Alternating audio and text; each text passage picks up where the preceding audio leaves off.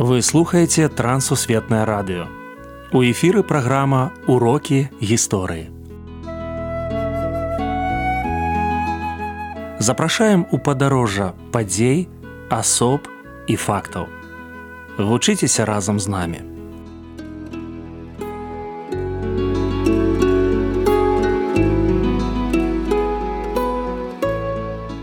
Добры дзень сябры перад мікрафонам сяржук брышцель і кандыдат гістарычных навук Андрусь унучак. Сёння мы паговорым пра сцяпана некрашевіча. Прывітанне Андрусь. Прывітанне сяржук прывітанне шаноўныя слухачы. Давайте пазнаёмімся з нашым гістарычным госцем сцяпанам михайловичам Степан Михайлович Некрашевич ён нарадзіўся 8 траўня 1883 году у фальварку Данілаўка.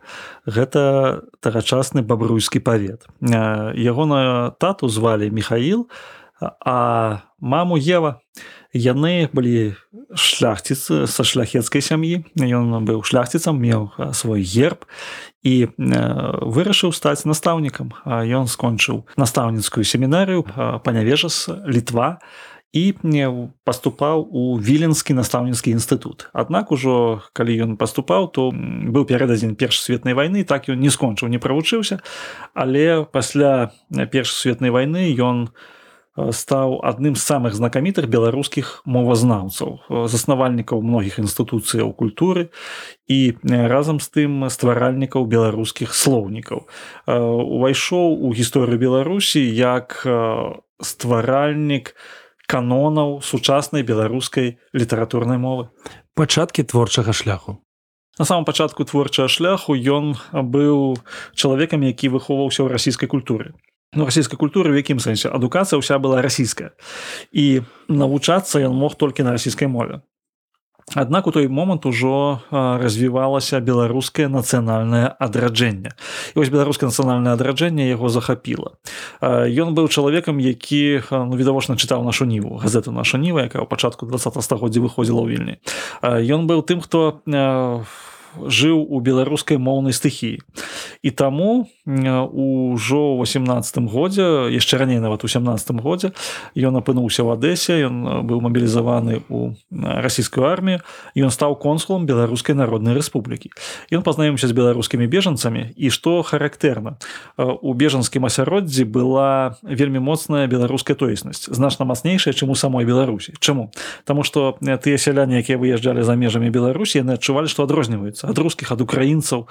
Яны адрозніваюцца мовай звычаямі культурай сваёй і ў гэтым сэнсе для сцяпана михайловича гэта стаў такі момант калі ён зразумеў што ну ёсць шанец збудавання сучаснай беларускай нацыі навуковыя дасягнення пра навуковыя дасягненні можна казаць вельмі доўга прывяду толькі асноўныя у першую чаргу гэта ягоная роля ў арганізацыі беларускай навукі.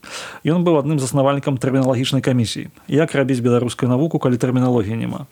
Вось тэрміналогію гэту трэба было стварыць тэрміналогію трэба было аднавіць і сабраць разам па розных галінах навукі. Тут ён быў. Першы старшыня інбелкульта інстытуту беларускай культуры.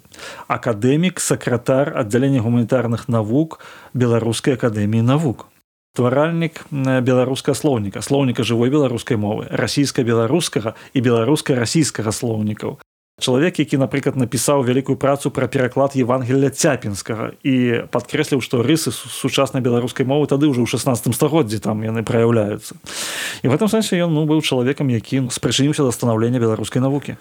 Расскажыце больш падрабязна пра інстытут беларускай культуры сапраўды тут ёсць пра што расказаць таму што інстытут беларускай культуры які вось недавно святкаваў сваё стагоддзя ён быў заснаваны ў 1922 годзе ён стаяў ля вытокаў менавіта ўсёй беларускай гуманітарыстыкі. Ну напрыклад беларускае мастацтвазнаўства заснаваў мікалай шчакаціхін першы лектар першы беларускі падручнік па мастацтвазнаўстве. Шакаціхін ён прыехаў з рассіі вывучыў беларускую мову і пачаў чытаць лекцыі па-беларуску мастацтвазнаўстве. Сам некрашевич узначаліў камісію па збіранню жывой беларускай мовы. Ездзіў экспедыцыі выпісваў слоўнікі ствараў вось гэтае слово слоўнікавы запас. Пазней там быў такі зміцер даўяла які стварыў беларускую археаграфію. Это ўсё под шыльдай інстытута беларускай культуры. Там працавалі янка купала якуб колас. Ян купала дарэчы працаваў тэрміналагічнай камісіі. Была выдзена 22 тамы беларускай навуковай лексікі. Сапраўды інстытут беларускай культуры гэта ну цэлая вялізная эпоха у гісторыі беларусі. І тое што яго ўзначальваў сцяпан некрашевич паказвае маштаб асобы наша сённяшняга героя. Расскажыце пра выклікі часу. На жаль, апрацаваць яму удалося даволі кароткі перыяд. Чаму? 1930 год арышт. Яго абвінавачвалі ў тым, што ён быў ворагам савецкай улады, савецкага народу, належаў да выдуманай сфабрыкаванай арганізацыі як такой як саюз вызвалення Беларусі і сцяпан некрашевич был адпраўлены ў ссылку на 5 гадоў пазней яму яшчэ дадалі тры гады ссылкі. І ўрэшце рэшт у 1937 годзе ў лістападзе ён быў арыштаваны трэці раз і расстраляны. Ягонае жыццё абарвалася даволі рана ён бы мог зрабіць яшчэ вельмі шмат. Аднак ну вось тая эпоха тыя рэпрэсіі не далі гэтаму рэалізавацца Аднак тое што ён зрабіў гэта было адкрыта нано ў канцы 80-х пачатку 90-х гадоў і гэта зрабіла ну вельмі вялікі ўплыў на нашу сучасную культуру і аж да гэтага часу яно ўплывае. Ушанаванне памяці гэты чалавек варты каб яго памяталі. І вось у пачатку 90-х не, не толькі з ягонай рэабілітацыі бо быў рэабілітаваны трошкі раней але ў пачатку 90-х быў пастаўлены памятны камень на тым месцы дзе стаяў фальварак некрашевічаў у данілаўцы. Была створана мемарыяльная дошка на будынку інстытута беларускай культуры ў менску у менску таксама ёсць вуліца названая ў гонар сцяпана на михайловича некрашевича перавыдадзены ягоныя слоўнікі зробленыя вельмі шматлікія ну публікацыі прысвечаны яго біяграфіі. Аднак безумоўна у вывучэнне яго спадчыны яшчэ працягваецца. І думаю што навукоўцаў чакае шмат цікавых адкрыццяў з аднаго боку а з іншага боку ну сённяшнія інстытуцыі акадэмічныя варта назваць імем сцяпана михайловича некрашевича ён гэтага дастойны з майго гледзішча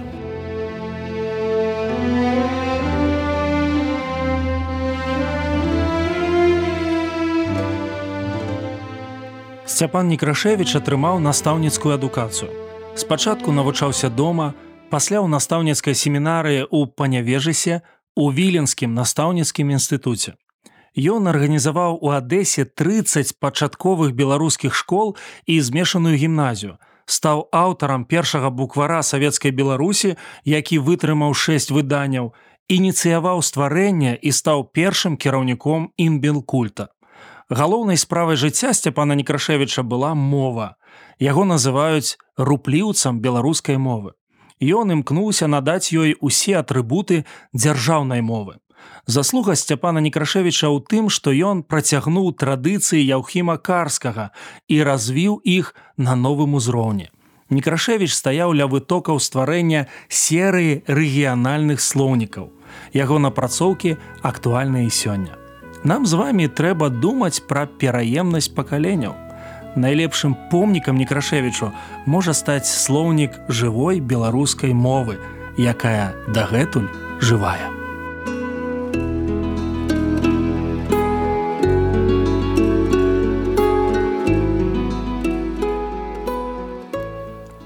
Дзякую, што далучыліся да нашага праекту.